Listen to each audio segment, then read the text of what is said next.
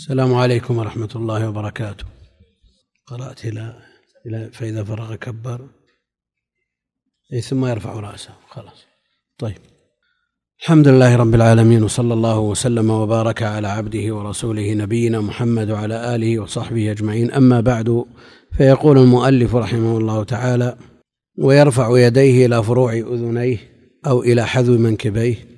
يرفع يديه مع تكبيرة الإحرام ومع تكبيرة الركوع ومع قول سمع الله لمن حمده إذا رفع إذا رفع من الركوع هذا هو المعروف في المذهب في المواضع الثلاثة. وأما الموضع الرابع فالحنابلة لا يقولون به بعد الركعتين إذا قام من التشهد. الحنابلة يقول لا يقولون به مع أن دليله في البخاري من حديث ابن عمر. لكن الحنابلة لا سيما المقلدين منهم لا يلامون على هذا. المقلد إنما يتبع إمامه لكن العبرة بمن؟ يبلغه الدليل ويعرف ثبوته هو الذي يلام. أما المقلد الذي يأخذ قول الإمام بلا حجة هذا معذور. والإمام أحمد رحمه الله تعالى يرى أن حديث ابن عمر من فعله لا ليس بمرفوع إلى النبي عليه الصلاة والسلام فهو موقوف عنده على ابن عمر وما يوقف على ابن عمر ليس بحجة ملزمة لأنه فعل صحابي. والإمام البخاري خرج الحديث مرفوعا فثبت عنده رفعه. هذا بالنسبة للموضع الرابع. الموضع الأول ورفع اليدين مع تكبيرة الإحرام لم يختلف فيه. في مشروعيته في الجملة. وعامة أهل العلم على أنه سنة. وأوجبه بعض أهل العلم. حميدي شيخ البخاري وداود الظاهري بعض أهل العلم أوجبوا رفع اليدين في هذا الموضع. وأما مجرد المشروعية والقول بالاستحباب فهذا لم يختلف فيه. حتى الحنفية الذين لم يقولوا برفع اليدين في بقية المواضع يرون مشروعية الرفع في هذا الموضع. يرفع يديه مكبرا قائلا الله أكبر على ما تقدم في تكبيرة الإحرام إلى فروع أذنيه أو إلى حذو منكبيه. وبهما جاء الأحاديث الصحيحة عن النبي عليه الصلاة والسلام من حديث وائل بن حجر وحديث ابن عمر وغيرهما. ومنهم من يرجح والإمام أحمد كأنه يميل إلى حذو المنكبين. ولو رفع إلى فروع الأذنين فحسن لكن المرجع عنده حذو المنكبين. ولا شك أن دليله صحيح وفي آه، آه، الصحيحين وغيرهم حديث أبي حميد وغيره. حذو منكبيه يعني مقابل منكبيه بإزاء منكبيه. وجاء أيضا من حديث ابن عمر وغيره إلى فروع أذنيه إلى فروع أذنيه. وهذا الاختلاف ليس باختلاف تضاد إنما هو تنوع. فلو رفع حذو المنكبين أحيانا وإلى فروع الأذنين أحيانا فقد عمل بالسنة. ومنهم من يرى التوفيق بين بين هذه الأحاديث بأن تكون ظهور اليدين حذو المنكبين وأطراف الأصابع إلى فروع الأذنين ويرون أن فروع الأذنين منتهى الرفع وحذو المنكبين بدايته يعني أوله. على كل حال الأمر في هذا سهل لكن الإشكال فيما يفعله كثير من المصلين ويشاهد بكثرة من غير نكير بل بعض من ينتسب إلى طلب العلم يفعل ذلك يرفع رفعا لا يجاوز السرة وهذا عبث لا تتأدى به السنة ولا تتحقق به إلا شخص في يديه عسر لا يستطيع رفعهما أكثر من ذلك فهو معذور يرفع إلى القدر الذي يستطيعه وإذا كانت يده لا تطاوعه فتنثني بحيث إذا رفعها تعدت رأسه بعض الناس ما تطاوعه. فإن رفعها تعدت الرأس. فمثل هذا يقال له ارفع ولو تعديت السنة أو لا ترفع. لأنه بين أمرين إما أن يترك الرفع بالكلية أو يرفع رفعا زائدا على قدر المشروع. نعم؟ نعم. يرفع. ها؟ يعني مو مشاهد بعض الناس ما يستطيع أن يثني يده. فإما أن يرفع رفعا يسيرا أو يرفع رفعا لأنه لا يستطيع أن يثني يده فترتفع يده فوق رأسه. هكذا. نعم. يعني هل مجرد تحريك اليد هكذا هو رافع ولا لا؟ نعم. كيف؟ الأولى إيش؟ الأولى عدم الرفع يقول أخونا. نعم. يفعل الذي يستطيع. نعم هو يفعل ما يستطيع.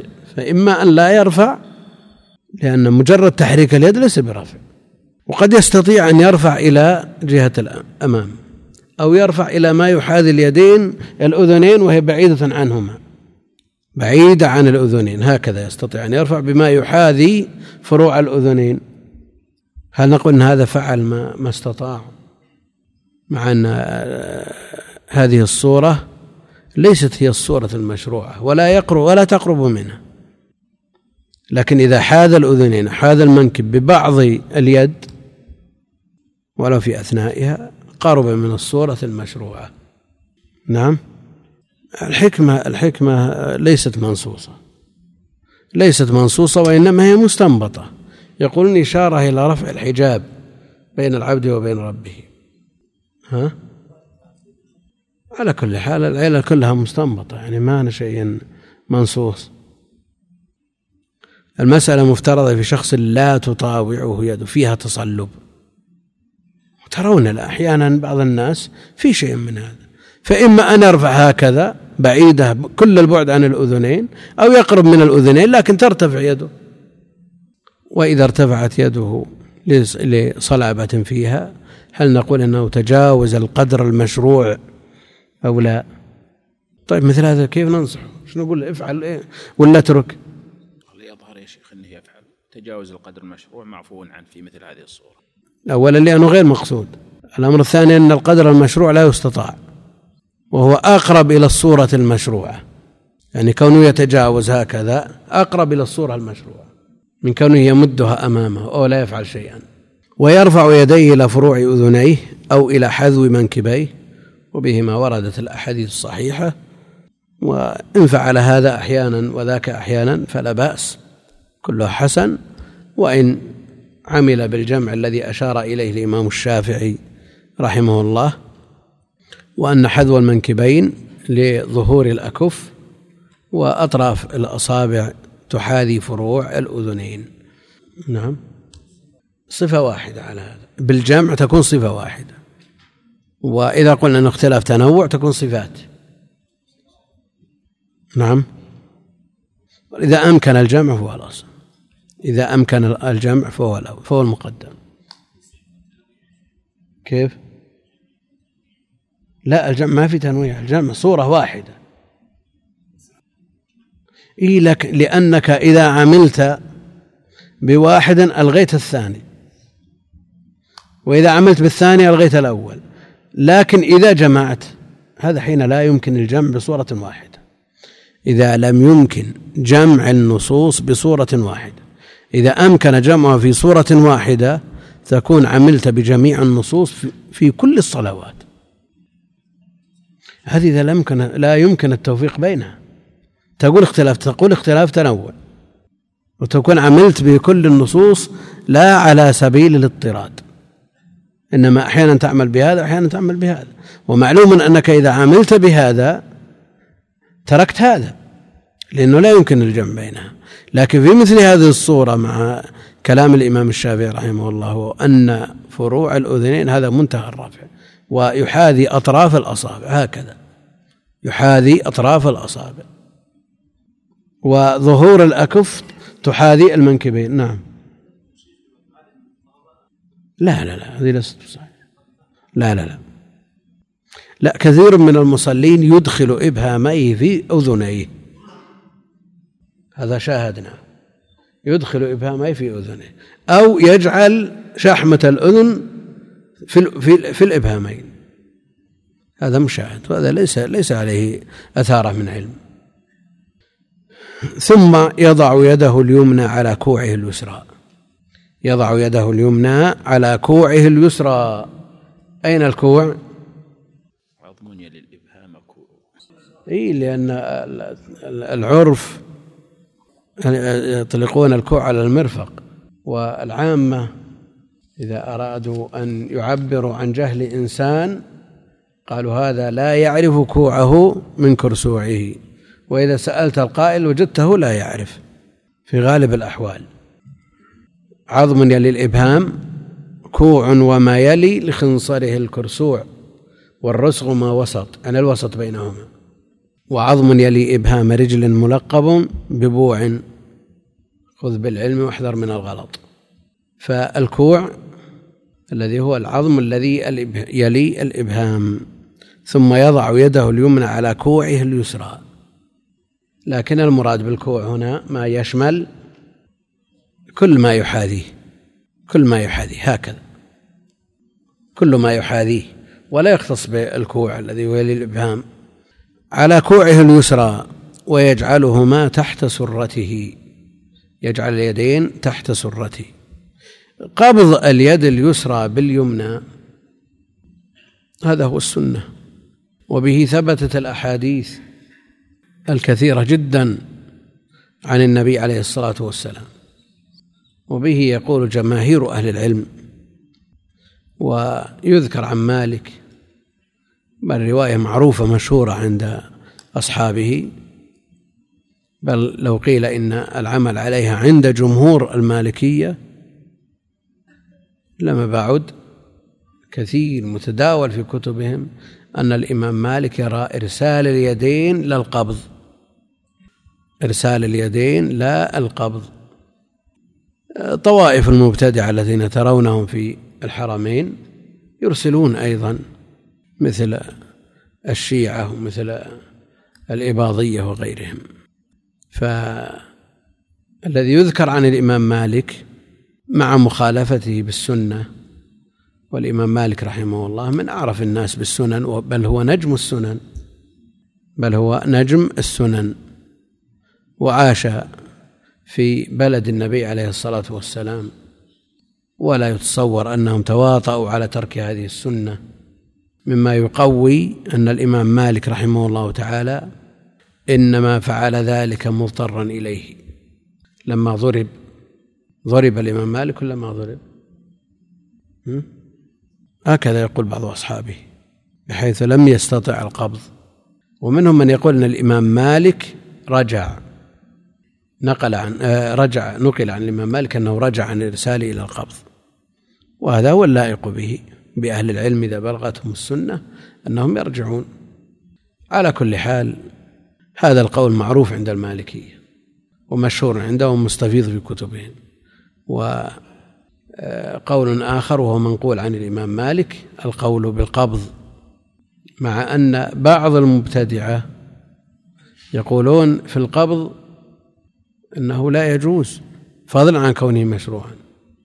ويستدلون عليه بقوله ويقبضون أيديهم. ومنهم من قال إنه ينافي الخشوع وهذا كله لا قيمة له. نعم. إلا. اتركها باستمرار. بيان الوجوب إنما يتم في بعض الأحيان. إذا خشي العالم من ظن العامة أن هذا العمل واجب ولا يجوز تركه يتركه أحيانا ويؤجر على هذا لكن يكون ديدنه ترك لا لا. فهم يقولون ان الإمام مالك ما كان يصنعه ما كان يفعله ولا يرى مشروعيته. هذه رواية معروفة عند عند المالكية عنه ورواية أخرى وهي ثابتة عنه القول كقول الجمهور بالقبض. ويجعله ما تحت سرته لحديث علي رضي الله عنه من السنة وضع اليد أو وضع الكف على الكف في الصلاة تحت السرة لكن هذا الحديث ضعيف هذا الخبر ضعيف باتفاق الحفاظ ما صححه أحد من الأئمة وقول الصحابي من السنة له حكم الرفع لكن لو ثبت ما دام الخبر ضعيفا فلا يلتفت إليه. وأصح شيء في هذا الباب حديث وائل بن حجر عند ابن خزيمة. أنها توضع على الصدر. أنها توضع على الصدر. يرد حديث علي رضي الله تعالى عنه المنسوب إليهم ما ذكرناه تفسيره لقول الله جل وعلا فصل لربك وانحر إن المراد به وضع اليدين على النحر في الصلاة. وليس المراد بوضعهما على النحر يعني ما يشبه الغل الغل أو الغل. ها؟ كيف؟ الغل نعم. نعم. الغل الحقد والغل واحد الأغلال. فوضعهما على الصدر هو السنة هو السنة. من أهل العلم من يقول إنه مخير. ما دام جاء فيه هذا وهذا فهو مخير. إن شاء وضعهما على الصدر وإن شاء فوق السرة على البطن وإن شاء تحت السرة. لكن ما دام وجدنا الصحيح في المسألة وما يقابله ضعيف فالعمل على الصحيح. ثم يقول مستفتحا الصلاة بعد تكبيرة الإحرام. نعم. ها؟ جاء فوق سرته وتحت سرته. كلها ضعيفة. نعم. يعني مثل إيش؟ اي يقبض. ها؟ ذكروا الصفات. منهم من يقول يضعها ولا يقبض ومنهم من يقول بالقبض ومنهم من يقول على الساعد بدلا من الرزق. نعم. على كل الصفات هذه أولاها. ثم يقول مستفتحا يعني بعد تكبيرة الإحرام ووضع اليدين على الصدر بعد قبض اليسرى باليمنى على الصفة المشروحة يقول مستفتحا بدعاء الاستفتاح. المعروف الثابت في صحيح في صحيح مسلم من حديث عمر حيث علمه الصحابة وسياقه سياق الموقوف على عمر. فيقول سبحانك اللهم وبحمدك وتبارك اسمك وتعالى جدك ولا إله غيرك. هذا الاستفتاح مقدم عند الحنابلة على غيره من أنواع الاستفتاحات. مع أنه ورد صيغ كثيرة في الاستفتاح. ومن أصحها إن لم يكن هو الأصح حديث أبي هريرة في الصحيحين وغيرهما حيث سأل النبي عليه الصلاة والسلام أرأيت سكوتك بين التكبير والقراءة؟ ما تقول؟ فقال أقول اللهم باعد بيني وبين خطاياي كما باعدت بين المشرق والمغرب إلى آخره. وهذا في الصحيحين مصرح فيه بالرفع. وهذا في مسلم سياقه سياق الوقف. لكن هل يمكن أن يقول عمر مثل هذا الدعاء المرتب بهذه الصيغ من تلقاء نفسه من غير توقيف من النبي عليه الصلاة والسلام؟ أهل العلم يقولون هذا له حكم الرفع وإن لم يصرح عمر برفعه. وذكره عمر رضي الله تعالى عنه على المنبر ولم يستدرك عليه أحد من الصحابة.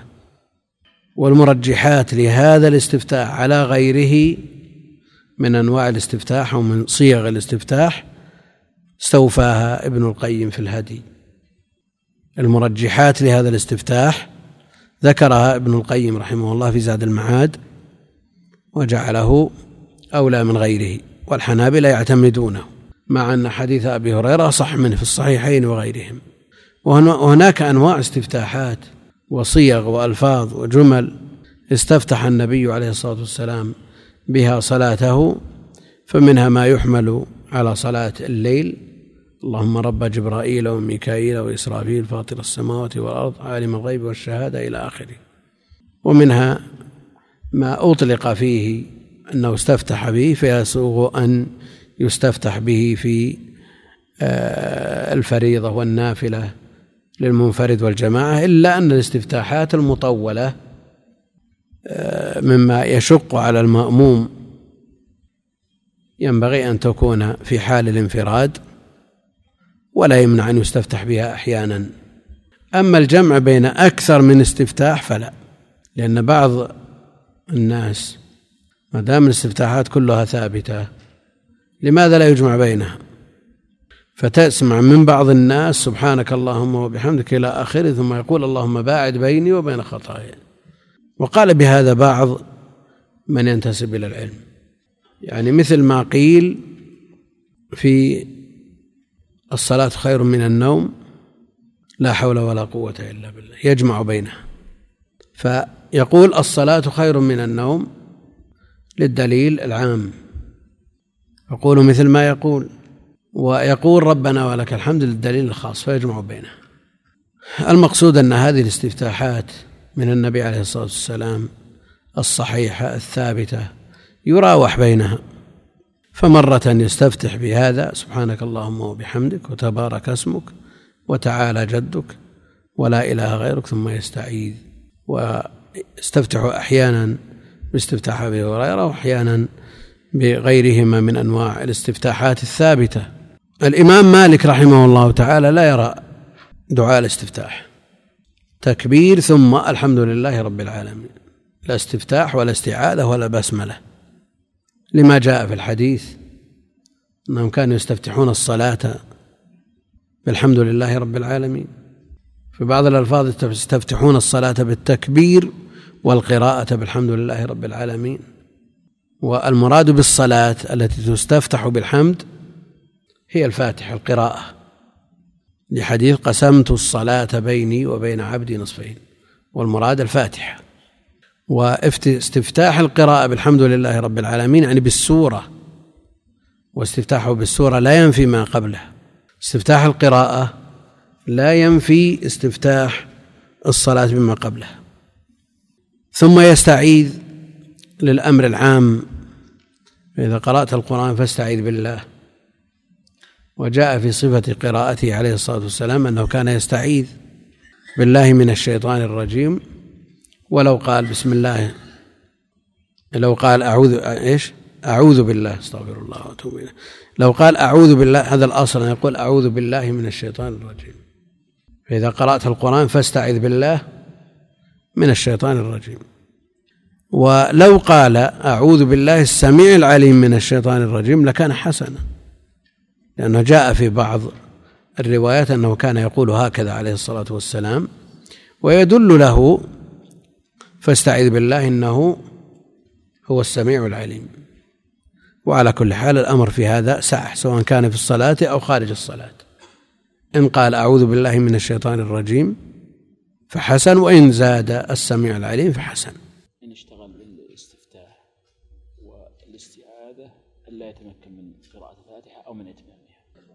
أما عند من يقول بلزوم قراءة الفاتحة لكل مصل فإنه يحرص على أداء ما أوجب الله عليه ويترك المستحب يبدأ بالفاتحة إذا خشي من ضيق الوقت الإمام يركع يقرأ الفاتحة. والحنابلة باعتبار أن المأموم لا تلزمه قراءة الفاتحة يقول يستفتح ويستعيذ ويأتي بما يستطيع. ثم يستعيذ ويقرأ الحمد لله رب العالمين. ويبتدئها ببسم الله الرحمن الرحيم. ويبتدئها ببسم الله الرحمن الرحيم ولا يجهر بها. في حديث أنس صليت خلف رسول الله صلى الله عليه وسلم وأبي بكر وعمر فكانوا يستفتحون القراءة بالحمد لله رب العالمين. يستفتحون القراءة بالحمد لله رب العالمين. وبهذا يستدل الإمام مالك أن البسملة غير مشروعة. والخلاف في البسملة وهل هي آية من الفاتحة فقط أو ليست بآية مطلقة أو آية في كل سورة من سور القرآن أو آية واحدة نزلت للفصل بين السور خلاف معروف بين أهل العلم.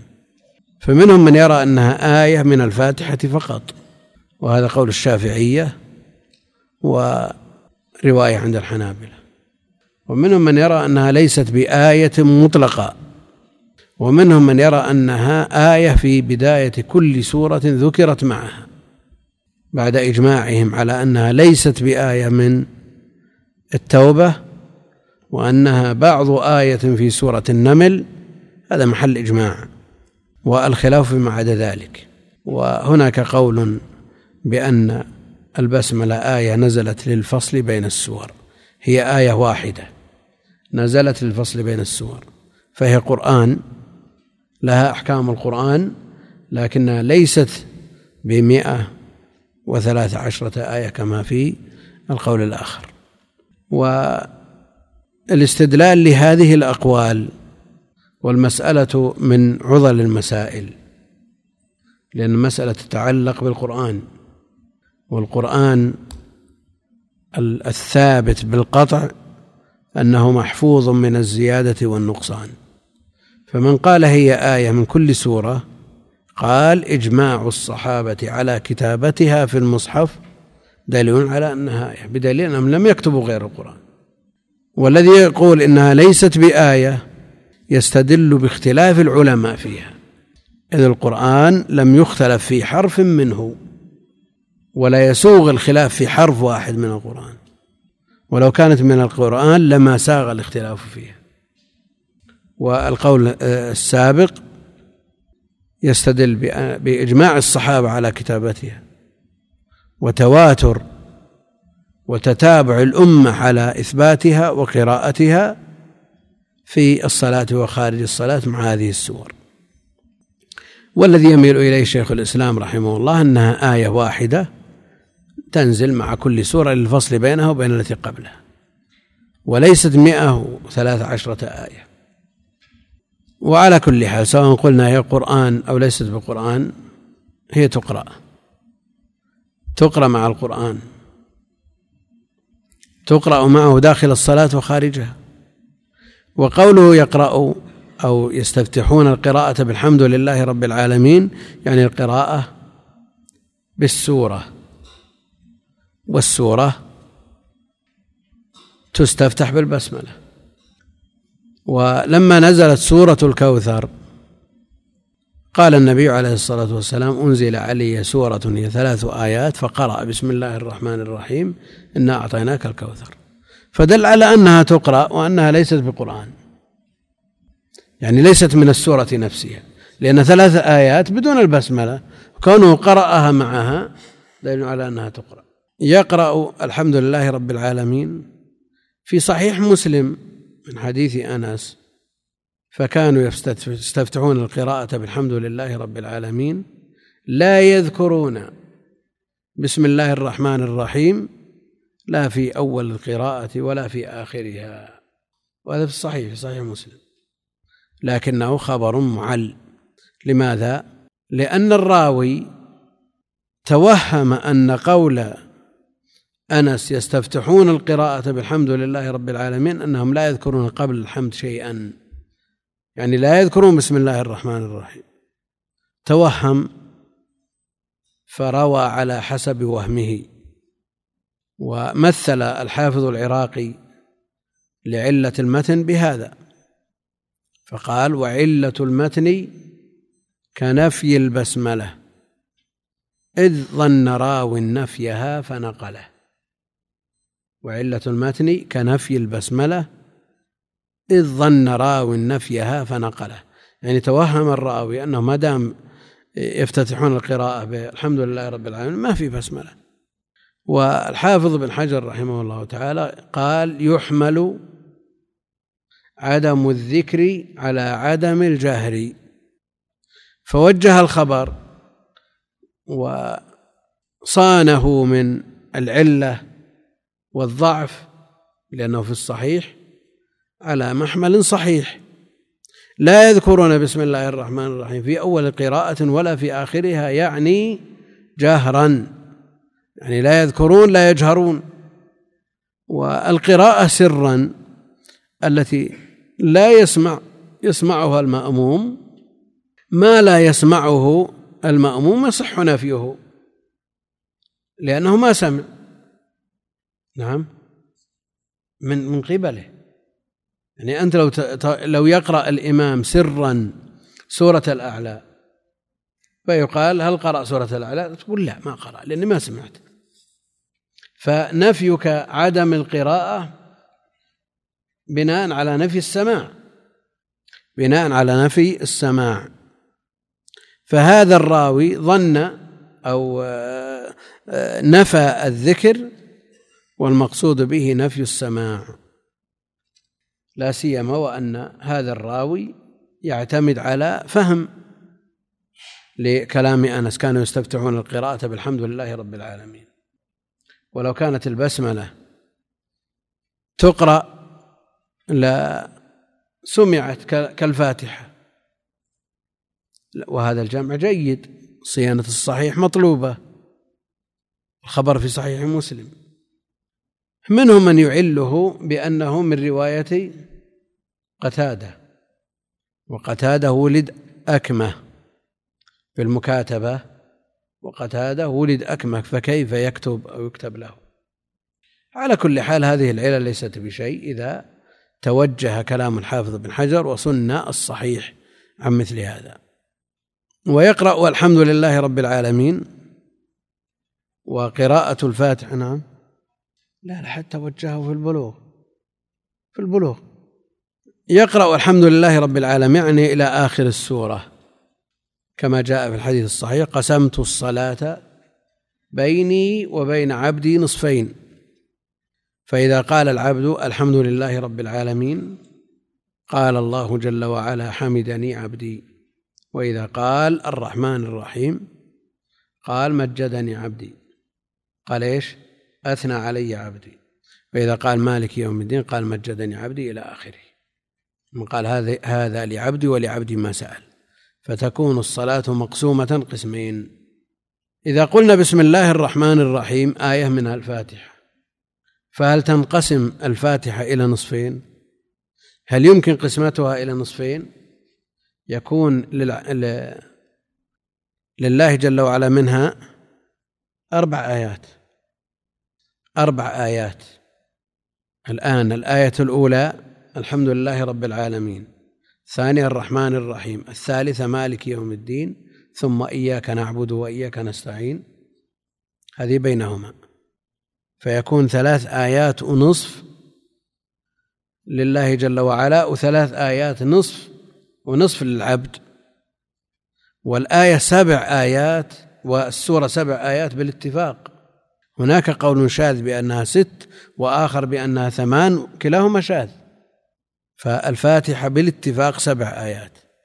فإذا أضفنا إليها البسملة صارت حتى على قول بأنها سبع. نعم غير المغضوب عليهم ولا الضالين تصير واحدة فيكون سبع بالبسملة. لكن يكون لله جل وعلا أربع آيات ونصف وللعبد آيتان ونصف.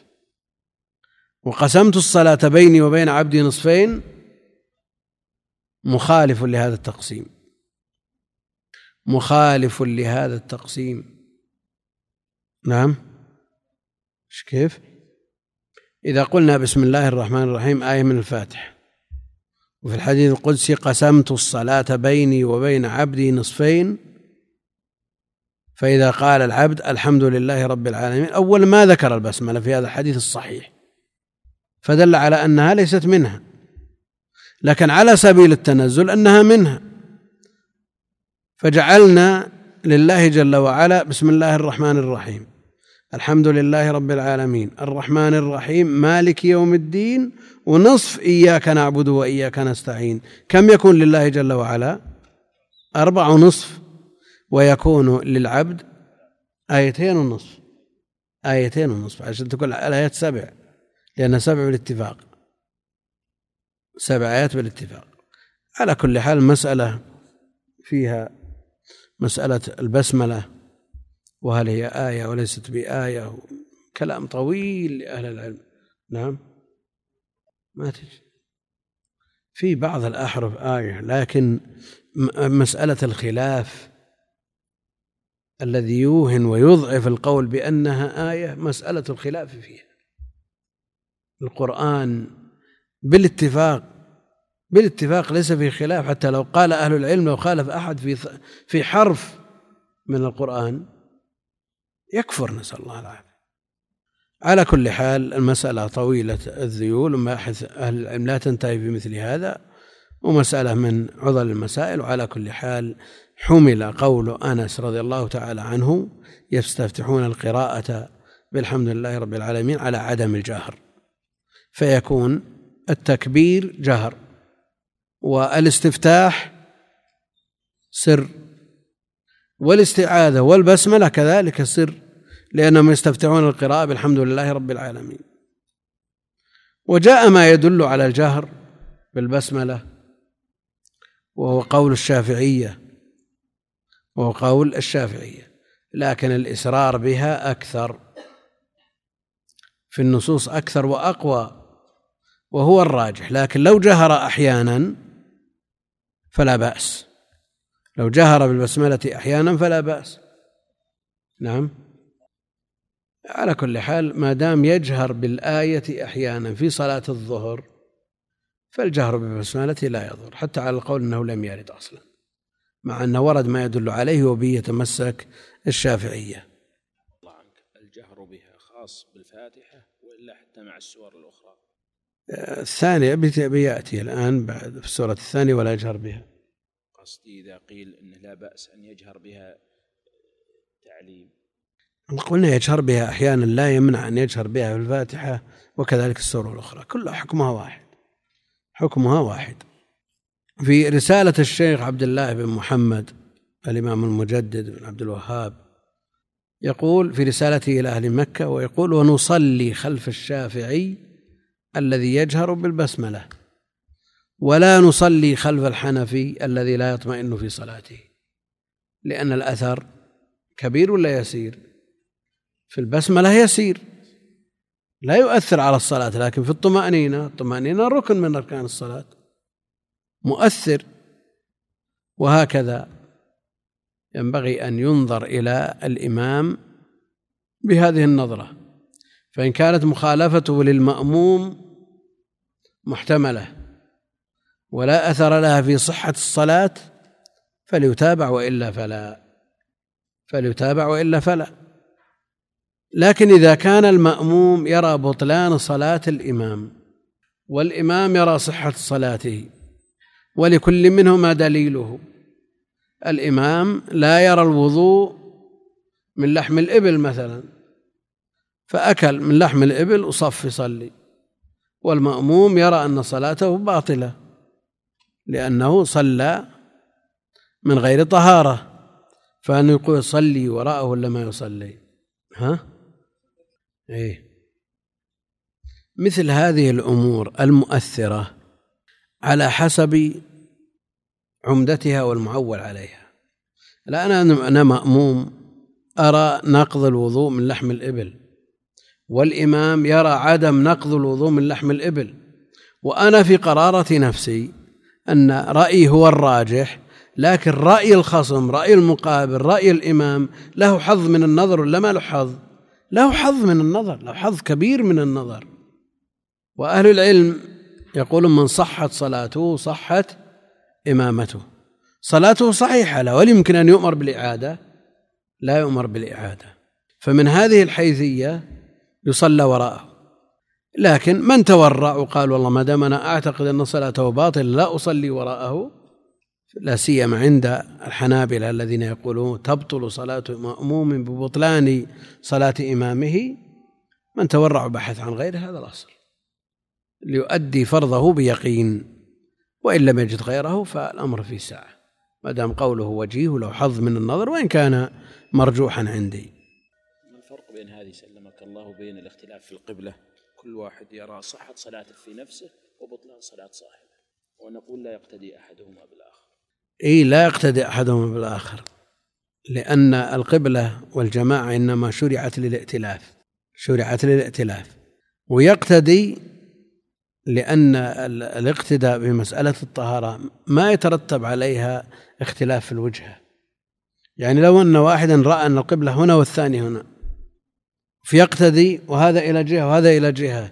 مثل مسألة الوضوء من لحم الإبل لوجهة واحدة ولا ولا خلاف لا في صورة ولا في شيء. لا, لا يختلف هذا عنها. يعني ما يمكن أن يقتضي شخص يصلي إلى الشمال والآخر إلى الجنوب. ما في مخالفة مخالفة الظاهر هذا فضلا عن الباطن. لكن هناك مسائل. لو كان الإمام لا يرى رفع اليدين والمأموم يرى أو العكس هذه مخالفة لكنها لا تقتضي مفارقة. لا تقتضي مفارقة. لو كان الإمام يرى جلسة الاستراحة أو العكس والمأموم لا يراها قلنا أيضا هذه لا تقتضي مفارقة لأنه اختلاف يسير غير مؤثر في الصلاة. حتى لو جلس الإنسان للاستراحة والإمام لا يجلس ما يؤثر لأنها ليست بطويلة يعني.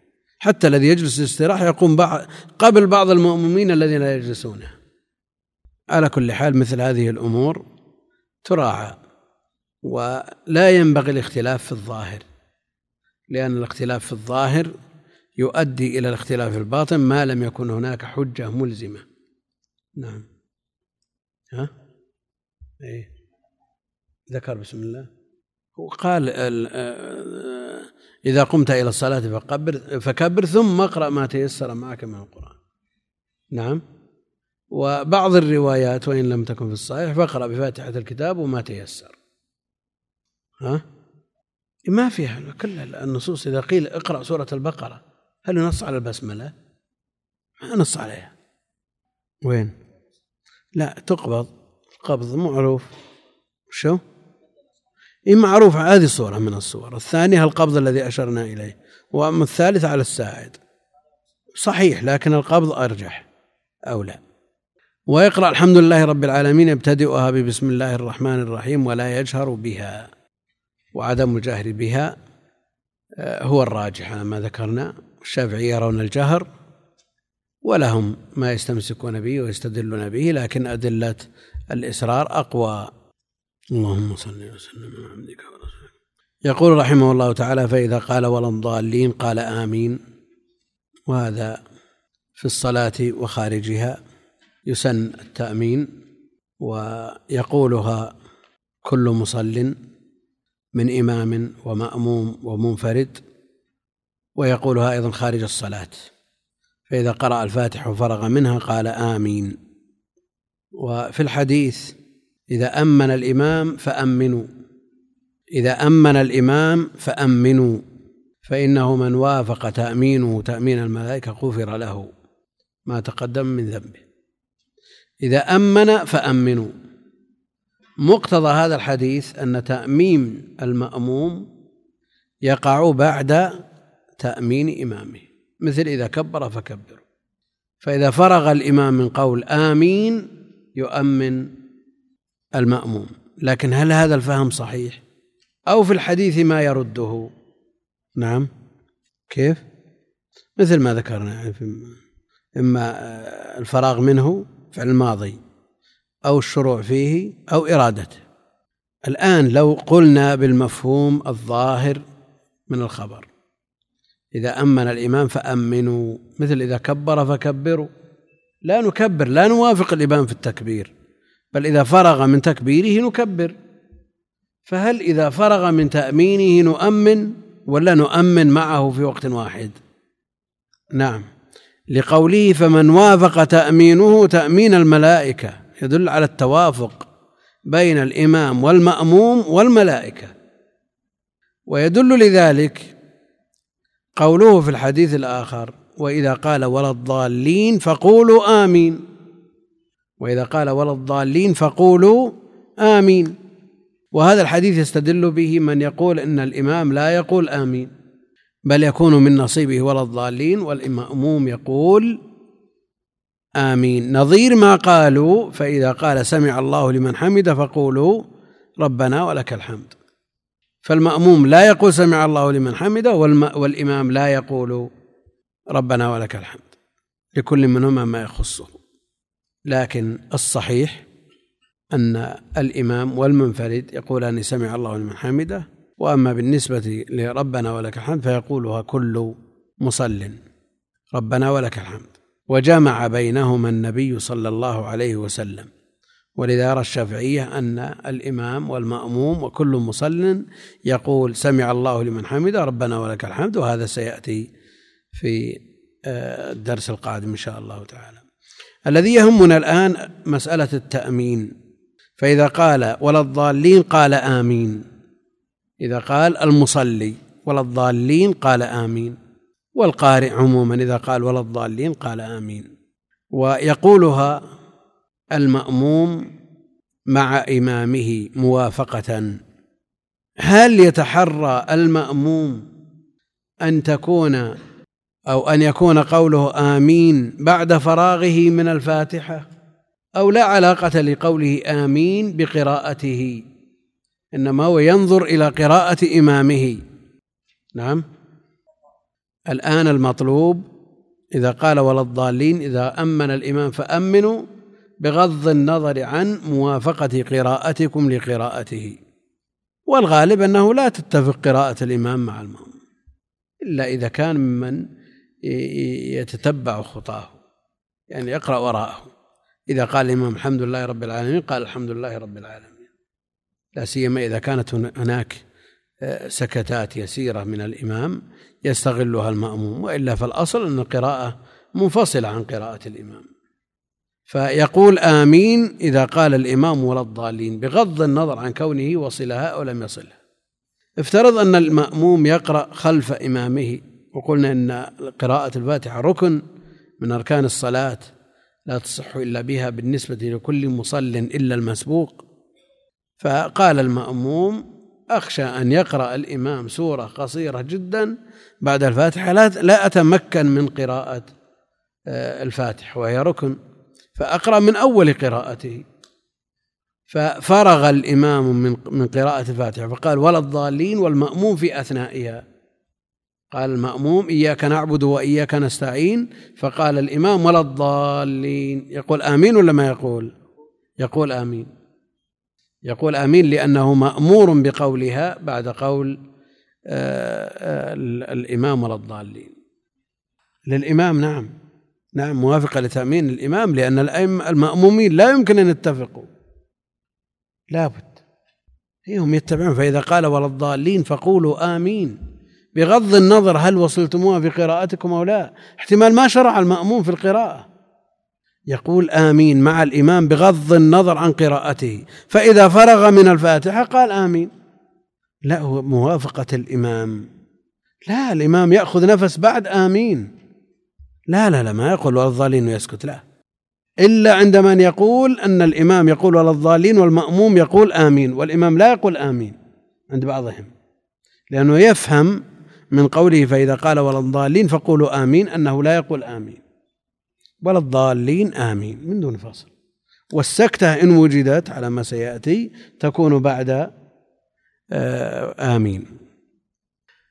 آه، كون المأموم يقحم آمين تبعا لإمامه بين قراءته بين الآيات التي يقرأها من الفاتحة يحتمل ولا ما يحتمل؟ احتمال قائم. آه، ننظر في مسألة أخرى. عندنا من من يطوف بالبيت ويقرأ القرآن متتابعا في الطواف. إذا جاء إلى الركن يكبر في أثناء قراءته ولا ما يكبر؟ يكبر. يقول بين الركنين ربنا آتنا في الدنيا حسنة أو لا يقول؟ إذا كانت آيات متتابعة افتتح سورة وما انتهت. هل يقول ربنا آه، ربنا آتنا في الدنيا حسنة في أثناء السورة؟ افترض أنه يقرأ آية آية الدين. هل يقف في أثنائه ويقول ربنا آتنا في الدنيا حسنة أو لا يقف؟ نعم. أو يترك هذه السنة لأنه منشغل بغيرها. لا يأتي بها ويستأنف الآية من جديد. هو إذا كان مروره بين الركنين بين سورتين هذا ما فيه إشكال.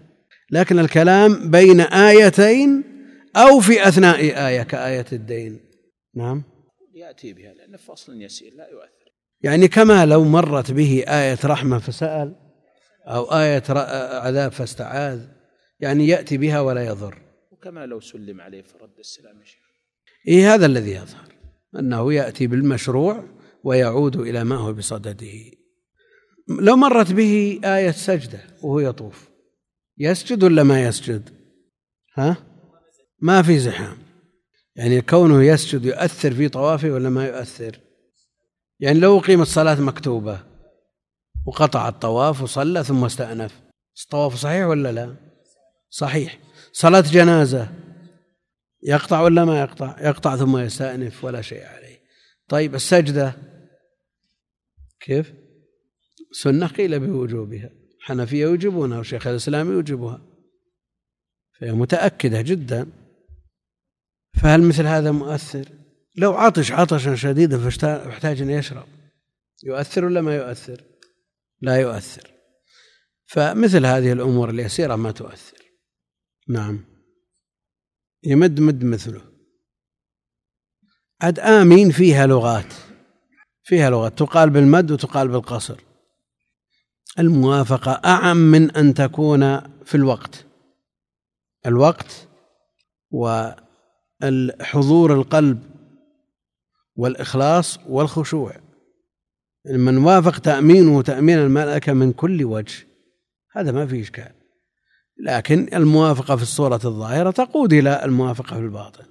فعلى الإنسان أن يستحضر لأن التأمين دعاء. والله جل وعلا لا يستجيب من قلب لقلب غافل. إذا لم يكن للإمام سكتات وقلنا بوجوبها على كل مصل بل ركنيتيه سؤلق إن كان عرف من عادة إمامه أنه يمكنه من القراءة في سكتة أو غيرها ينتظر. والسكتات المروية سكتتان سكتتان. الأولى متفق عليها التي بين التكبير والقراءة هذه متفق عليها. الثانية مختلف فيها حتى جعل بعضهم السكتة الثلاث. فجاء ما يدل على أن السكتة بعد قراءة الفاتح. وجاء ما يدل على أنها بعد الفراغ من القراءة وقبل الركوع. فبعض الأحاديث ثبت فيها السكتة قبل القراءة وبعد القراءة. بعد القراءة يحتمل أن تكون بعد قراءة الفاتح والاحتمال الثاني أن تكون بعد قراءته وقبل الركوع ليتراد النفس وليست بسكتة طويلة. وأما السكتة بعد قراءة الفاتحة فاستحبها جمع من أهل العلم فهما من هذا الحديث وأيضا تمكينا للمأموم أن يقرأ الفاتحة التي هي بالنسبة له ركن وما لا يتم الواجب إلا به فهو واجب. نعم. الوصل نهى عن الوصال في الصلاة. جاء ما يدل على النهي في الوصال. فلا يقول الله أكبر الحمد لله رب العالمين. ما يصلح كما يفعل من قبل الأئمة في صلاة التراويح.